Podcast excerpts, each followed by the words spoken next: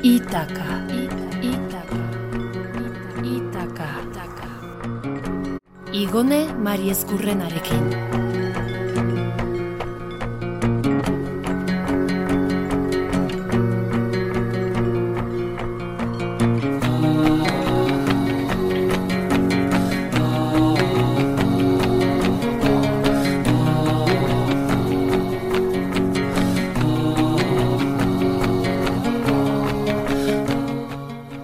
Arratsaldeon entzule ongi etorri beste ostegun batez gurera.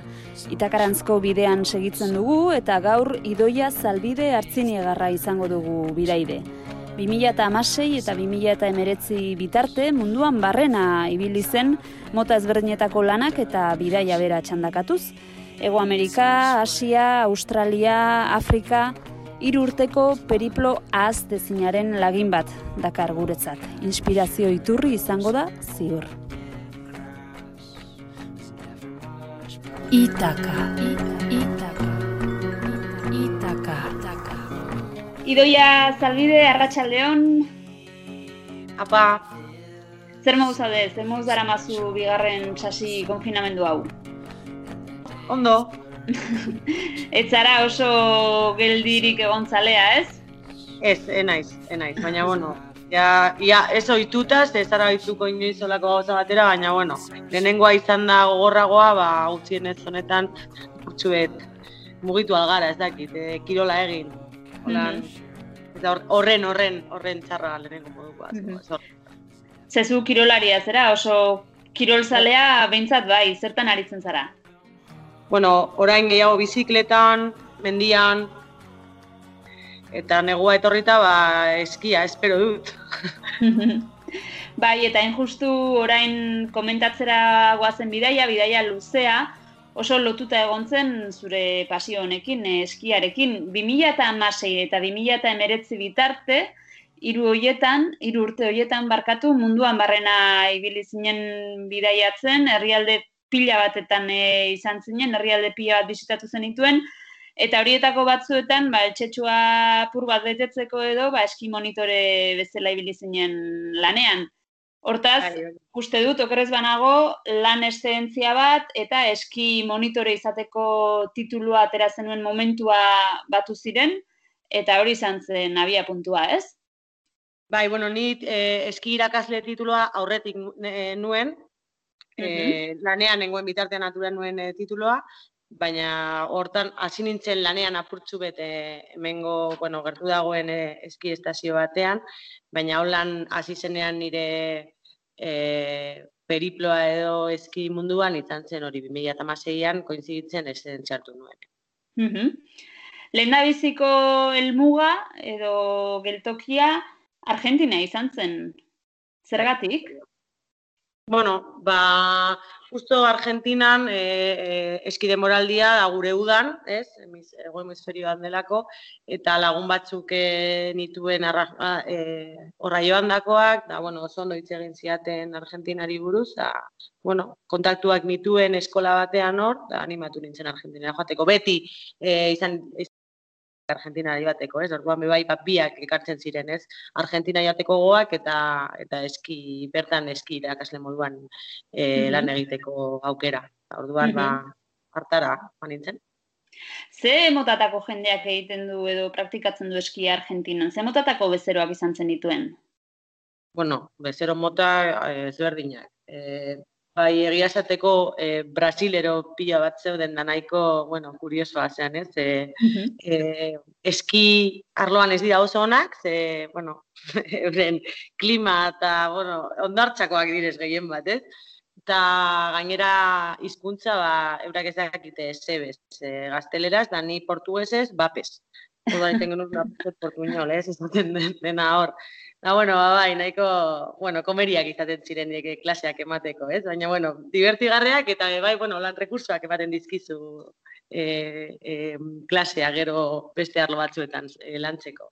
Bueno, barregarria gehien bat. Pentsatzen dut ingenio dosi handia, ez? Jarri beharko zeniola lanari. Ah. Oso, ingenio oso handia, ze hori hizkuntza lehenengo barrera da. Da gero, e, eurak oso medio berrian daude, e, ez dakite ez dute lurra inoiz ikusi askok, eta, bueno, ba hori, e, eske, ezin dizute zaren zelako gauza jokuak egiten dituen dana zeinen bidez, e, zelako, bueno, jendea lurretik altzatu, ez dakit zenbat, e, bizkarra, nire bizkarra igertu zuen bebai. Baina, bueno, e, posik egiten nuen orduan me bai barre asko dituen da asko ikasi nuen e, e, klase horiekin me bai. Aizu ido, ja, e, Argentinarantz abiatu zinenean, bazenekien periplonek hiru urte iraungo zituela? Zure asmoa hori zen? Bai, bai, ze mm -hmm. ni esidentzia hiru urteko hartu nuen. Ez nekien gehiago, oza, denbora gehiago gomango nuen edo ez, baina hiru urte fijo, bai. Eta uste dut, gainera Argentinako egonaldia oso berezia izan zela baita ere, aurrerantzean bidaia lagun izango ziren personetako batzukan ezagutu zenituelako, ez? Bai, hori da, ni bakarri jo nintzen Argentinara, kontaktuak bai banituen Argentinan, eta gero banekien, nor, osea, telefono bidez kontaktuak bakarrik nik ez nituen ezagutzen, baina, bueno, nirekin denboraldi egin zuten Kataloniako e, pertsona batzuk, eta gero hor, ba, beste asko ezagutu nituen da hor ezagutakoa batzuk, gero nire e, bidai lagunak izan ziren e, Ego Amerikan zehar. Zemotatako jendea topatu zenuen Argentinan? Zure bueno, ba, egoera berean zeudenak, bai, edo zure bai, asmo bai, danak, hori da. Danak eskirakasleak ziren, bai. E, Granadako bi, Kataluniako beste bat, Kuenkako beste bat, e, eta hori, holan, e, estatuko hainbat lekutatik. Esan duzu idoia, bazenekiela gutxienez irurte izango zirela, baina bazenuen buruan geltokiak edo bisitatu nahi zenituen herrialdeak zeintzuk izango ziren, bazenuen zerrenda buruan edo izan zen e, arian arian eta horrela improvisatu ze egindako bidaia? Dana improvisatuta. Dana, mm dana, dana, dana. Argentinakoa bakarrinekin, Argentina joango nintzela eta hortik nora, banekien nonbaitera joango nintzela, ze e, ideia bai zen irurtetan zehar, e, ba, hainbat herrialde bizitatu, eta bidaiatu mundutik, apurtzu bat, baina nekien nora. Planik ez. Neri bota idazu, elkarrizketa basi horretik bota idazu zerrenda, eta gure entzulek ere jakin dezaten, idoia 2000 eta amasi eta 2000 eta emeretzi urte bitartean ibili zen Argentinan, komentatu dugu Txilen, Perun, Bolivian, gero Kataluniara e, gerturatu zen bolaterako, eta gero berriz urrunera, Kaliforniara, Kostarrikara, Kolombiara, Ekuador, Japonia, Nepal, India, Australia, Tanzania, Kenia, Zanzibar, Indonesia, bueno, zerrenda luze, luze, luze, eta ezinezkoa jakina, gure saio labur honetan dena kontatzea. Hortaz, e, zeiru izen zaizu, Kaliforniara bagoaz, edo ja? No? Ara, zertara joan zinen edo, ze asmorekin? Bueno, ba, Kalifornian daukat lenguzin bat, eta bera San Francisco bizi da, da ba, gure ideia zen, e, e, bueno, lehenengo aste bat pasatu San Francisco, ze beti lagun batekin Kataluniako beste irakasle bat e, joan nintzen, e, eta, bueno, San Franciscora joan, joan genuen, joan nahi genuen biak aspalditik, da, bueno, hori nire lenguzina horre egonda, eta bere lagun best, e, bat arren egonda bebai, ba, horreman genuen e, aste bat, da gero e, lana bilatu e, diru apurtzu bat egiteko, gero bidaiatzen jarraitzeko. Mm e, komendatuko dugu zen izan zen lana? Nik uste dut ez dago, la arazorik han, legezkoa delako. Bai, bai, bertan e, marihuana e, bueno, bilketan eta mozketan eta ibil ginen. Hor legala da. Hemen ez bezala hortaz, e, usta biltzea, marihuana usta biltzea, legezkoa da, eta pentsatzen dut mundu osoko jendea topatuko, topatuko barkatu zenutelan, ezta? Bai, bai, bai, bai. Egia esateko, e, e, e, Espainia estatuko jende asko, baino argentinoak be bai, txinoak, e, bueno, italianoak bai, mundu osoko jendea e, topatu genuen. E, egia da, gero, e, granja asko daude, mm orduan, e, eta gainera Kalifornia e, oso oso handia da. Orduan, orgu bili ginen e, granjan, e, inguruan, zera, supermerkatura joateko, ba, bi ordu zeude nolako zeo zer. Orduan, mm nahiko, nahiko isolatuta zaude. Baina oso espezita gogorra, baina alde batetik polita be bai izan zen. Gogorra pentsatzen dut, lan fisikoa delako batetik, eta bestetik klima ere lehorra izango zelako, eguraldia etzelako, bueno, xamurra izango, ez? Bueno, e, ui ginen udan. Eta egia esateko eguraldi eh, aldetik nahiko suertea auki genuen, eh? Uh ze, bueno, bai, ba, ezen ezen oso oso beroa. Baina, baina bai, depende ze demoralitan zoaz, bai dala gogorra. Un, or, alde horretatik, bai egon ginen granjan, eta bai eguraldi aldetik e, suertea handi auki genuen. Uh Zenbat ordu egiten zenituen lan egunean? Depende eguna baina igual, zamala o amabuz. Ah, bai, eh? Bai, uh -huh. bai, ez que, gainera zu osoaz produkzioa, oza, depende zenbat produztzen duzun, kobratzen duzu. Orduan, apurtzu bat dabe bai zure aukera, ez? E, zenbat irabazi nahi duzun, edo zenbat lan egin nahi duzun. Uh Osa, egunean biltzen duzun horren baitan irabazten duzu? Bai, eurak e, e, ordaintzen dute, e, e, bueno, pound edo, edaia e, kilo erdia. Orduan hor dago ipinita, ba, presio bat, eta zu depende zenbat paun egiten dituzu, ba, kobratuko duzu gehiago edo gutxiago. Egunean amala, o ama ordu sartu gazen dituen, nire pentsatzen dut zure asmo nagusia, egun horietan behintzat, edoan emantzen dituen asteetan, lana egin eta dirua egitea zela, ez dakit gero aukerarik izan zenuen, Kalifornian barrena bidaiatzeko diru horri esker. Ez, e, Kostarrikara joan ginen. Ze, bueno, hori dana be bai, eh, plan, planifikatu gabe, baina bertan topatu ginen beste lagun batekin orko inzitu genuen e, eskirakaslea be bai, danak. eta bere aitak e, zeukan Kostarrikan etxetxu bat, lan daiko gutra, baina bueno, ondartzan, eta alojamendua balde izan da, ba, ze azkenean dirua neurtu behar duzu asko. Ze, bueno, denboraldietan egiten duzunean lan, ba, ematen du, ematen duen erako. Ez orduan, bai begiratzen genuen pie bat e, dirua eta gutxien gastatu. orduan e, Kaliforniatik oso garestia dela, oso e, Kostarrikara joatea e, ezitu genuen da erabaki genuen eta Kostarrikan eman genuen iabete terdi hori hori justo lan amaitu eta Kostarrikara joan ginen. Eta Kostarrika paradisu naturala, ez da? Bai, bai, bertan egon ginen bakarrik hori etxe horretan da surf egiten. Uh ia bete osoa. Hori, ondartza, ondartza, etea ondartza, dana, nahiko dana bai, talasaia. Atxen, hartzen, jo, hainbeste lan egin eta gero. Bai.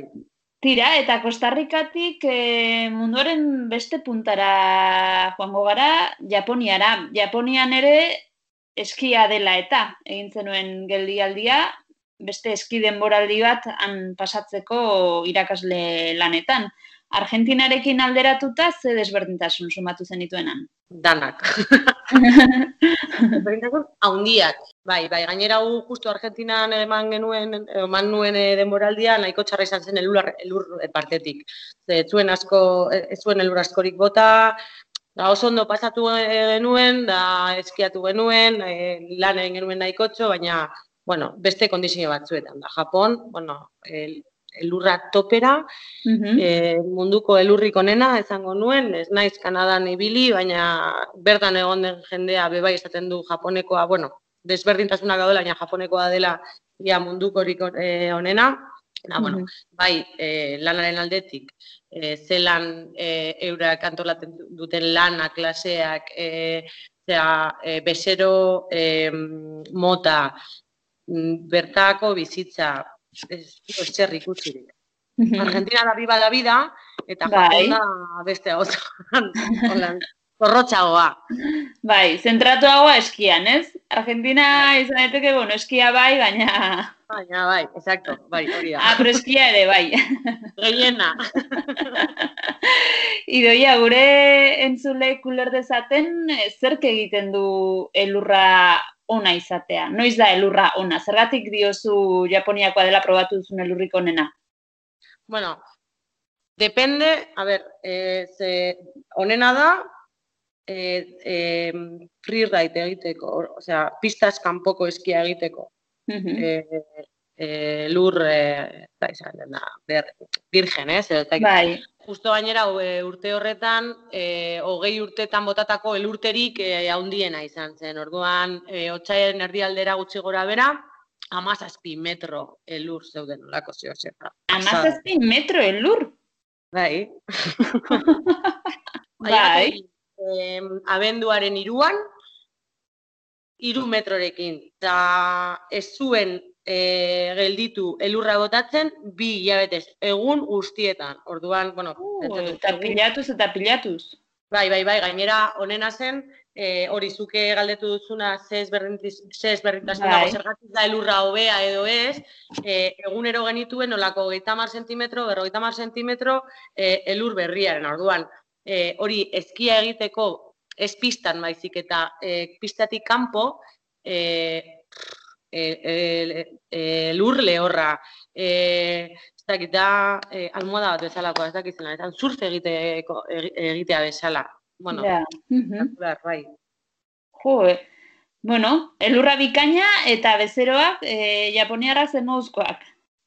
Bai, e, egia esateko e, bezero japonearrak ez daude asko. Ze bertan, bertara joaten den e, jendea eskiatzera gehienak dira australianoak, australiarrak, eta Aha. txinatarrak, Hong Kong, gero Singapurreko jente asko, ze na, e, nahiko elitista da alde horretan. Ez da oso garestia, eh? esan nahi dut forfaita eta ez da oso garestia, hemengo Mhm. moduko berrogeta mar dolar edo, e, dala, e, e, igualamen, incluso apurtzu bet e, garestiagoa da Mhm. baina bai gero e, e, alojamendua, janaria, dana bai dela e, garestiagoa, eta gainera be bai pentsatuta dago olako bezero motarentzako, dirudun beze, bezeroak. Orduan, e, bai perfila edo e, Argentinan, e, Argentinara eskiatzen joaten zirenak, naiz eta garestia den bai, eh, Argentina, e, o, bueno, horrekin, horiekin konparatuz, e, sekulako diferentzia dago. Ez batzuk dira dirudun jendea da, eta besteak, igual, ba, diru apurtzu daukatenak eskiatzera joateko, eskia garestia da, ez? Ez Mhm. dago e, de guztion poltsikora eginda, Mhm. baina bai nik, ema, nik izan dituen bezeroa Japonen oso dirudunak ziren danak. Mhm. Mhm. Beraz ez da kirol bat eh, sozializatu dena oraindik esan dezagun, ez? Egonda, eh, ez, Japonen egonda denboraldi bat, eh, gainera Japoneko em, eh, biztanleak edo eh, oso zahartuta dago, biztanleria oso zahartuta dago. Duan, egonda denboraldi bat, orain bai ber- berritu da apurtxu bat, eta gazteagoiago daude, non e, zaharrak ja ez duten eskiatu, eta hor egonda denboraldi bat e, e, utzi zutela eskia. Eta e, australianoak eta hartu zuten lekukoa edo, esateko, eta indartu zuten apurtxu bat. Orduan, hor- horregaitik e, ia bezero mota gehienak edo edo dirudunak dira edo australiakoak dira. Mhm. Zu japonesez badakizu idoia? Hau hitz. Ez dena ingeles ez egiten. Ah, ingelesa zen orduan hizkuntza. Mhm. Bai, bai, bai. Gaina oso zaila japonesa ikasi, ikasi, ikasi Mhm. daiteke. euskaraz, bez, euskaraz bezala, baina, baina ez, ez. Dana ingeles ez zen, orduan, nahiko nuen ingelesa ondo hitz egiten, japonez ez az- eh, ikasten hasteko. Bai, bai, nahikoa lan horrela. Bai, bai, nahiko. Ez dakit kasu honetan aukerarik izan zenuen denboradia bukatu eta Japonian barrena bidaiatzeko, paisaje aldatzeko edo horretara mugatu zen egonaldia herrialde honetan. Horretara mugatu nuen, bai egon nintzela eh, pare bat egun Tokion eta, baina Nepalera joan nahi nuen de Napurnako trekina egitera. Orduan eh, datak eh, enkajatu behar nituen, da azkenean eh, Nepalera eh, joatea erabaki nuen. Eta hortik, Mhm. nada, Tokio bizitatu pare bat egun, eta Nepalera bidea. Mhm. Nepal eta India, India eta Nepal e, herrialde bikiak zenbait kasutan, ez, ez e, aspektu guztietan, baina kasu batzuetan bai ze oroitzapen duzu. Ba, Nepal, hombre, a ber, ez, eh, Anapurnako trekina, mendia gustoko baduzu, pff, izugarria da. E, niretzako egin hor hiru urte hauetan egin dudan gauzarik igual politena, ez? E, mendiaren inguruan eta Mhm. eta eta gero India, ba, e, iparraldean egon ginen eta apurtzuetan txekoa da. Mm, Mhm. Bueno, India berezia da oso, eh? Oso, markatzen zaitu nolabait baina Nepalekin geldituko nintzen. Baina, bueno, e, Asian nintzen egonda, Jap Japon bakarrik, eta Japon eta Nepal eta India zute zerikusirik. Eta, bueno, e, a ber, ni egon naiz leku guztietan, gustora egon naiz, gauzak berria, gauza berria ikusi ditut, gauza berria ikasi ditut, eta be, eta hori markatu ziaten, baina, bueno, India, bueno, hor utziko nuen e, erdi, ez dakit, erdigune baten. Ez, ez, ez dit, ez naiz maite mindu indiaz, eta ez dut gorroto bez, baina utziko nuen.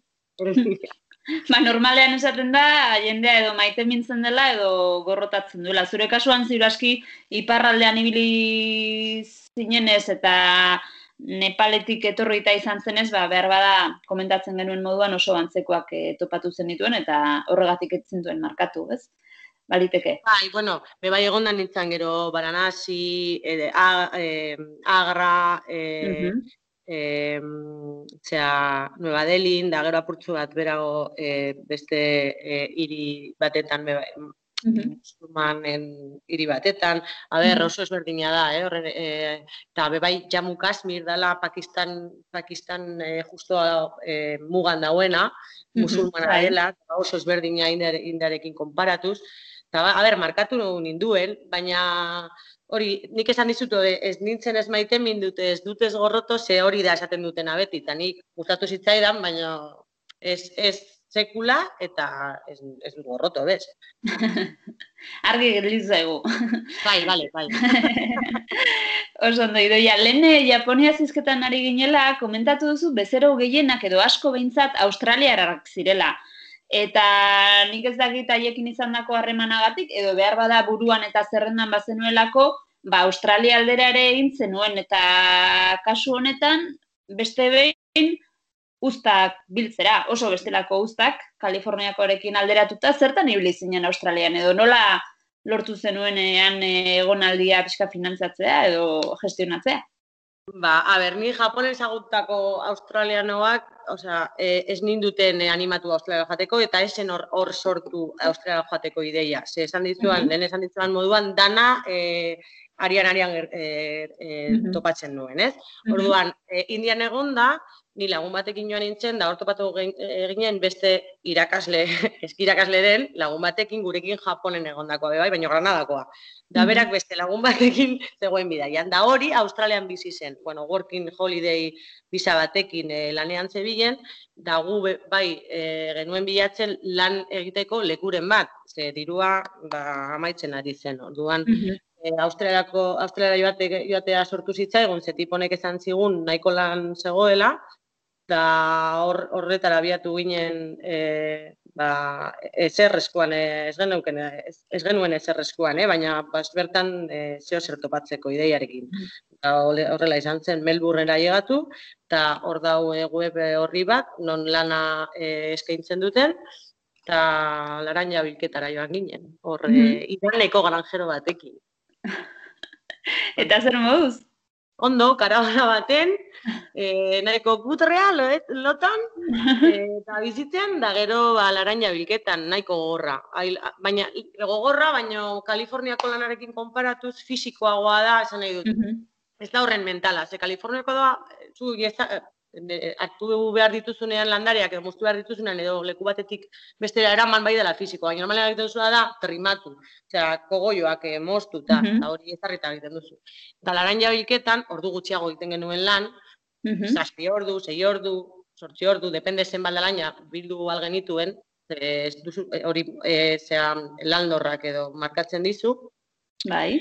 Baina, bueno, bai dela eskareia igo, eskareia iaitzi, olako gehi kiloko e, e, sako batekin e, gainean, bai, gogorra zen, baina, bueno, dinamikoagoa, eta niretzako, ba, obea, egia esateko.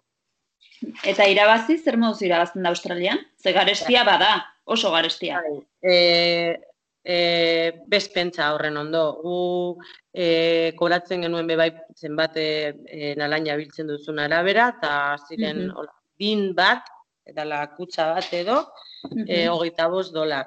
Eta kutsa bat egiteko, depende, eh, depende eh, eh, lara jondoa, depende, Claro, ze guztiak ez dira, ez dira berdinak. Ba, ba igual ordu bat edo bi ordu.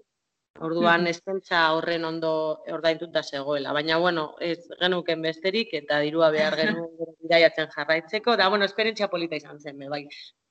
Ba, bai, batzuetan sufrimendua neurrian bada behintzat tarteko dagoenean oroitzapenak onak izaten dira, ezta? Bai, bai, gainera gero hori amaitu eta Melbournera joan ginen hilabete bat, eh, hilabete batez, da horre restaurantitaren batean egon nintzen lanean be bai.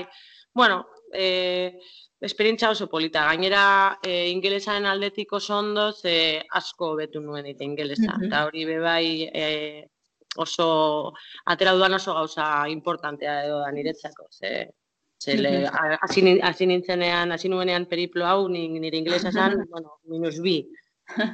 Orain ba nahiko, nahiko ona. Eta orain praktikatzeko, hartzinegan bizizerazu, idoia, hartzinegan inglesez aritzeko zer moduz. Mundu guztiaekin. eh, pues ez, ez, ez dut ingelesez hitz egiten hartzinean, ez. Pelikulak ikusi, ingelesez, eh, gutxienez ez ahazteko, eta listo. Hori da. Bai. Ederki. Periploaren amaierak eh, Afrikara garamatza eta zehazki lehen aipatu dugu Tanzania, Kenia eta Zanzibar aldera. Bai. Badakit ezinezkoa dela hiruak batera jorratzea edo hiruei buruz aldi berean hitz egitea, ez da bidezkoa gainera, baina horrela ingo dugu zergatik da hau e, bidaian egin zenuen geldiunerik ederrena. Ze horrela gogoratzen duzu. Bai, bai, a ber, danak, danak ederrak izan dira, lehen esan dizuan moduan, baina bai Afrikak e, zeo zer dauka berezia, niretzako, eh? Eta egia da, dana oso ondo atera zitzaigula, e, ailegatu ginen, be bai, beste kontatu batekin, ze em, eskimunduak eman didana eta bidaiatzeak eman didana da kontaktu, osea, sare bat oso handia egitea munduan zehar. Da batek eh, gomendatzen dizu gauza bat, lagun bat dauka leku horretan, gero beste eta horrek asko erresten du eh, mm, bueno, ba, bertan egonda, e, zer egin, zer egin, eta Afrikan hori ailegatu ginen e, lagun baten kontaktuaren etxera, Afrikan, bueno, bertakoak, Tanzaniakoak, Arusakoak, eta, bueno, ba, euren etxea eraman gintuen, em, de gozaltzen, paskaltzen eta faltzen eman, dana eman ziguten. Noea, gero safaria egin genuen hor, eta, bueno, izugarria izan zen, e, Mhm. Serengeti, gorongoro, bueno, hori da, da pak bat, ez? Eta, baina, gehien gustatzen zaidana da, gero familia horrek, euren herrira, eraman gintuen, oso herri txiki bat, bueno, bertan ingelesez, inorbez, eta, claro, ginen, como los anfitriones, ez dakit, eta e, familia guztia biztatu behar genuen, etxez, etxe, eta e, Afrikan, gizonak, emakume bat baino gehiago izan aldutela. Ez, ez, depende erligioa, eh? baina bertako e, orduan hiru emazte, gainera e, dana, danak onartzen dute, Holanda, bueno, terrible, eh? baina bueno, beste alde batetik. Eta orduan, ez dakit, e, herrialdea, karo, zabala, etxe, olako etxe, etxolak, ez? Bai. guztiak bizitatu, tea hartu, interprete batekin izan gure laguna e, gure bizitza kontatu, baina oso oso polita gainera, bueno, ume guztiak etorri, bueno, oso oso polita. Bai. Te zitota orduan, ez? Hainbeste te danda, etxe batetik bai. bestera banan Bueno, eta, eta, eta zerbezak be bai, aten. Ah, ere bai, bueno. Bai, bai. Ederki. Idoia, mila mila esker badakite oso laburtuta egin dugula guztia, hiru urte ordu erdin kontatzea ezinezkoa baita, baina asko eskertzen dizut e, saiakera eta eta ia lasterrantzeko zerbait egiteko aukerarik duzun, dugun Bai, eta batez ere komentatzen dugun edo kontatzen diguzun. seguro, seguro, ea posible dan, eta ez oso urruti. Laizter, eh, laizter jarri izango dut. Denbora pilo bat dara ja, mugitu gabe. Ederki idoia, ba, mila esker eta ongi izan, laster arte. Vale, eskerrik asko zuri. Agur. Aio!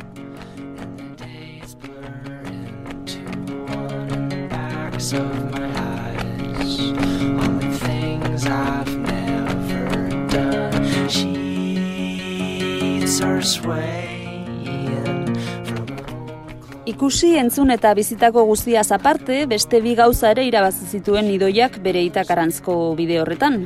Batetik entzun duzue hizkuntza, bere kasuan ingelesa, makina bat ate irekitzeko giltza dudari gabe. Eta bestetik, hau ere gakoa, kontaktu sarea. Aurrerantzean ere, berandu baino lehen gainera, munduan barrena mugitzen segitzeko baliabiderik preziatuena. Hau izan da gaurkoa, espero dut guztiok ideiaren bat edo beste hartu izana lagin honetatik. Eskerrik asko zuen konpainiagatik eta ez aztu. Luzatu eta gozatu bidea, helmugan ezpaitago aparteko ezer, gure zain. Laster arte!